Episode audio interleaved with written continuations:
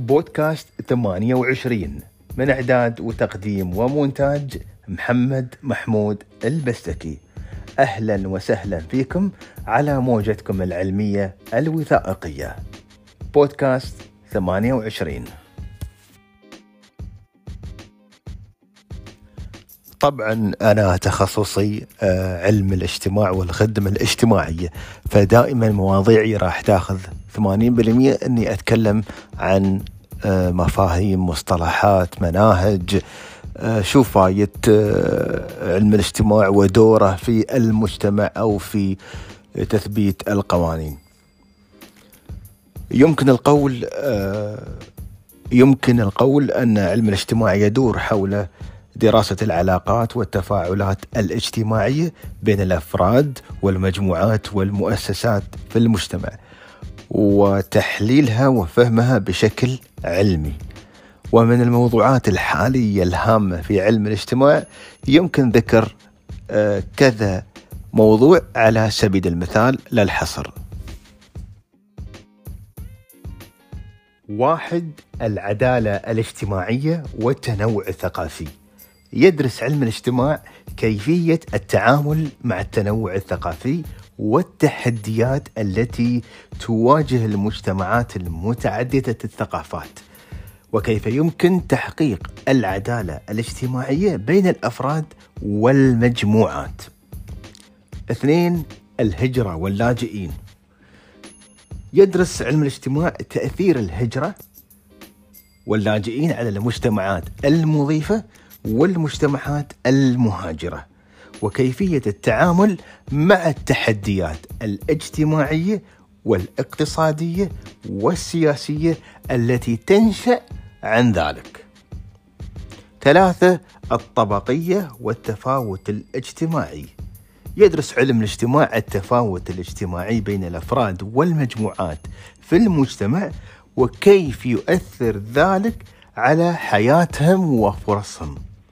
وكيفية تحقيق المساواة والعدالة الاجتماعية. أربعة الجندر والهوية الجنسية. يدرس علم الاجتماع الجندر والهوية الجنسية آه، وكيف يؤثر ذلك على آه، الحياة الاجتماعية والثقافية والسياسية وكيف يمكن تحقيق المساواة بين الجنسين والحد من التمييز. هذه بعض الموضوعات التي تثير مجال علم الاجتماع ويمكن دراستها ووضع الحلول المناسبة لها. ربما يسأل أحد آه، المتابعين أو المشاهدين أو المستمعين ما هو المنهاج الأفضل لدراسة ما ذكر أعلاه؟ طبعا لا يمكن تحديد منهاج معين إلا عن طريق آه، متابعة حيثيات هذه الدراسة أو الظاهرة وبعدين ممكن نختار منهاج معين. ولكن آه، على سبيل المثال المناهج الأفضل فيما ذكرنا اعلاه تكون كالآتي المنهج النظري وهو المنهج الذي يهتم بتحليل ودراسة النظريات والمفاهيم الأساسية في علم الاجتماع مثل الطبقة الاجتماعية، الهوية الجنسية، النزاعات الاجتماعية وغيرها. اثنين المنهج الاستقرائي وهو المنهج الذي يهتم بجمع البيانات والمعلومات من مصادر مختلفة مثل الدراسات الميدانية، الاستطلاعات، المقابلات والتحليل الإحصائي. ثلاثة المنهج الوصفي وهو المنهج الذي يهتم بوصف وتصوير الوضع الاجتماعي آه، والثقافي في المجتمع وتحليل التغيرات التي تطرأ عليه. أربعة المنهج القياسي وهو المنهج الذي يهتم بتطبيق أساليب القياس والإحصاء في دراسة الموضوعات الاجتماعية مثل إجراء استطلاعات للرأي أو تحليل البيانات الإحصائية. بناء عليه يمكن اعتماد أي هذه المناهج أو مزجها مع بعضها البعض حسب الموضوع المراد دراسته والأهداف المحددة للدراسة. كما يمكن الحصول على تدريبات عملية في مجال الدراسات الاجتماعية من خلال المشاركة في الأنشطة الطلابية والبحوث الميدانية والمشاريع التطبيقية بالإضافة إلى حضور الندوات والمؤتمرات العلمية في مجال علم الاجتماع. آه، طبعا لا يمكن الاستغناء عن لغة الأرقام وبناء عليه آه، غالبية الدراسات في علم الاجتماع تعتمد في بياناتها على التحليل الإحصائي. يمكن إضافة آه، إحصائية معينة إذا كان لديك بيانات وأرقام تدعم هذه الإحصائية. ويمكن استخدام الإحصائيات في العديد من موضوعات علم الاجتماع مثل تحليل التفاوت الاجتماعي بين الفئات المختلفة في المجتمع أو دراسة تأثير العوامل الاجتماعية في سلوك الأفراد والمجموعات. ولإضافة إحصائية معينة يمكنك استخدام برامج الإحصاء مثل SPSS أو إكسل وتحليل البيانات الخاصة بك باستخدام أساليب الإحصاء المختلفة مثل ال ال الانحدار الخطي والتحليل العاملي والتحليل التفصيلي. ومن المهم أن تضع في اعتبارك أن استخدام الإحصائيات يتطلب معرفة جيدة بالأساليب الإحصائية والتحليل البيانات. آه، ويتطلب التحليل الدقيق للبيانات الاستنتاجية وتفسيرها بطريقة صحيحة. لذلك ينصح بالتعاون مع متخصصين في مجال الإحصاء وعلوم آه، البيانات إذا كانت الإحصائية التي تريد إضافتها معقدة أو إذا كانت تحتاج إلى مساعدة في تحليل البيانات الخاصة بك. موضوع حلقتنا اليوم كما هو واضح الجمع بين كايزن وعلم الاجتماع وماذا راح ينتج عنه؟ طبعا آه، فصلنا بعض الأشياء في علم الاجتماع ننتقل الآن إلى آه، تفصيل مبسط عن كايزن. تعريف كايزن. هو مصطلح ياباني يعني التحسين المستمر. وهو نهج يهدف إلى تحسين جودة وكفاءة العمليات والأنشطة بشكل مستمر ودائم. ويشمل كايزن تطبيق أساليب الإدارة والتحسين المستمر في المؤسسات والمنظمات لتحسين عمليات الإنتاج والخدمات وزيادة الإنتاجية والجودة وتقليل التكاليف. ويتم آه، تحقيق التحسين المستمر في كايزن من خلال تطبيق أساليب التحليل والتقييم المستمر للعمليات والتفاعل مع العاملين في العملية لتحديد المشاكل وتحديد الحلول وتنفيذ التحسينات. وعندما يتم تحقيق التحسينات الصغيرة المتكررة في المؤسسة يمكن أن تتراكم وتؤدي إلى تحسينات كبيرة في الإنتاجية والجودة والكفاءة.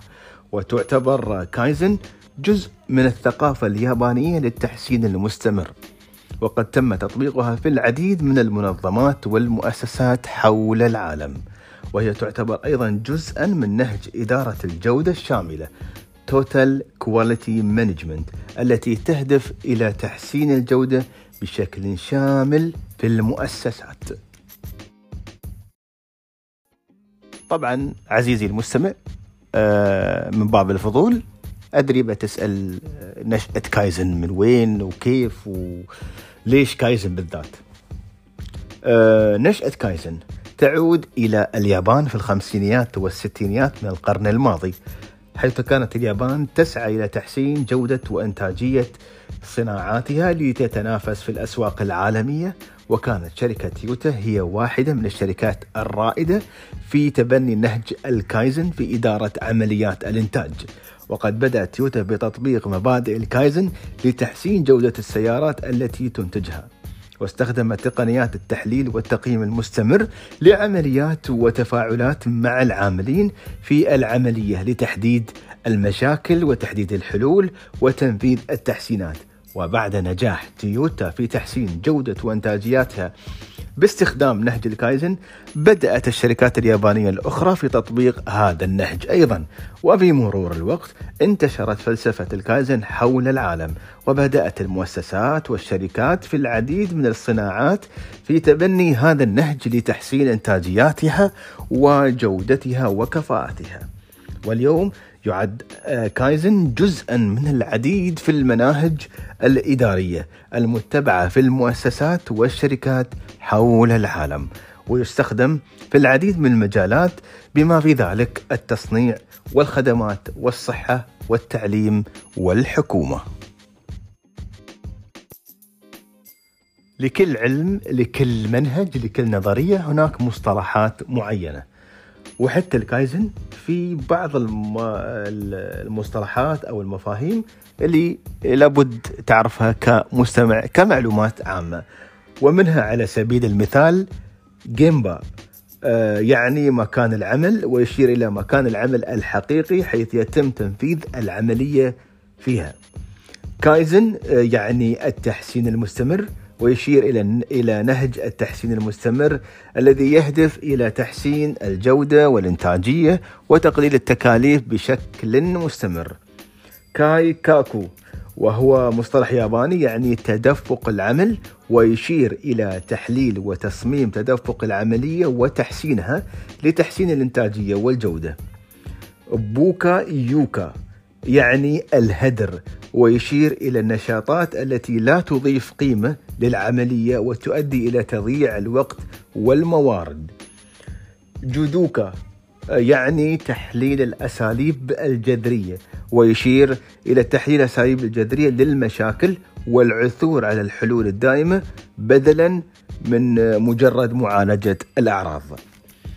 ستة هانيدا يعني الترتيب ويشير إلى تنظيم المكان مكان العمل طبعا وترتيب الأدوات والمعدات بطريقة تساعد على زيادة الإنتاجية والجودة.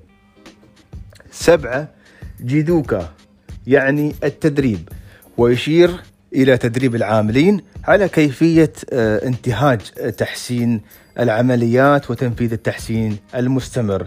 هذه بعض بعض المصطلحات المهمة في كايزن ويمكن استخدامها آه، لوصف بعض الحالات.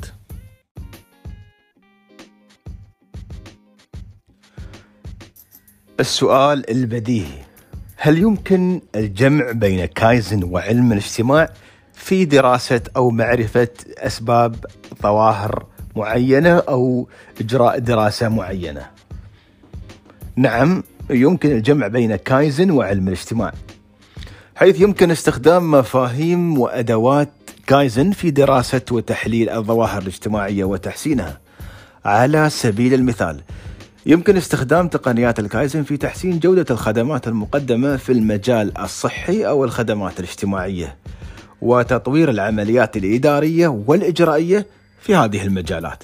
كما يمكن استخدام نهج التحسين المستمر في كايزن في تحليل التفاوت الاجتماعي وتحديد العوامل التي تؤثر على سلوك الأفراد والمجموعات في المجتمع. وعلاوة على ذلك يمكن استخدام مفاهيم كايزن مثل التدريب وتحديد الأسباب الجذرية والتفاعل مع العاملين في تحليل الظواهر الاجتماعية وتحسينها ومن الممكن أن يساعد هذا النهج في تحقيق تحسينات مستمرة في الأنظمة والعمليات الاجتماعية وتحسين الجودة والإنتاجية في المجالات المختلفة لذلك يمكن الجمع بين كايزن وعلم الاجتماع لتحقيق أهداف مشتركة في تحليل وتحسين الظواهر الاجتماعية والكفاءة في المؤسسات والشركات. غالبيتنا في الفترة الحالية شباب مراهقين كبار في السن نقضي أوقات طويلة على مواقع التواصل الاجتماعي المختلفة سواء المدونات أو الفيديوهات أو الصوتيات. ف كيف يمكن لكايزن أن يخدم أو يحسن مواقع التواصل الاجتماعي؟ واحد تحليل المعلومات. يمكن استخدام أدوات تحليل البيانات لتحليل استخدام المستخدمين للموقع والتعرف على المناطق التي يمكن تحسينها. ويمكن استخدام هذه المعلومات لتحديد المشاكل الرئيسية التي يواجهها المستخدمون والعمل على حلها. التفاعل مع المستخدمين يمكن التفاعل مع المستخدمين من خلال التطبيقات آه، الاجتماعية لتحديد المشاكل التي يواجهها المستخدمون والعمل على حلها ويمكن أيضا استخدام الملاحظات والتعليقات التي يتركها المستخدمون لتحديد المشاكل وتحسين الموقع التحسين المستمر. يمكن تطبيق مبادئ الكايزن لتحسين الموقع بشكل مستمر ودائم ويمكن تطبيق تقنيات التحليل والتقييم المستمر للموقع وتفاعل مع المستخدمين لتحديد المشاكل وتحديد الحلول وتنفيذ التحسينات. التدريب يمكن تدريب العاملين على كيفية تحسين الموقع وتنفيذ آه، التحسين المستمر ويمكن أيضا تدريب المستخدمين على كيفية استخدام الموقع بشكل فعال وتحديد المشاكل التي يواجهونها. باستخدام نهج الكايزن يمكن تحسين جودة وإنتاجية مواقع التواصل الاجتماعي وتحسين تجربة المستخدمين على هذه المواقع. ويمكن أيضا آه، أن يؤدي إلى زيادة عدد المستخدمين وتحسين سمعة تطبيق معين. كنت وياي آه، في إحدى حلقات. بودكاست 28 أتمنى أنكم استفدتوا من هذه الحلقة. وراجيا متمنيا أنكم تسوون share و like و comment. يعطيكم العافية.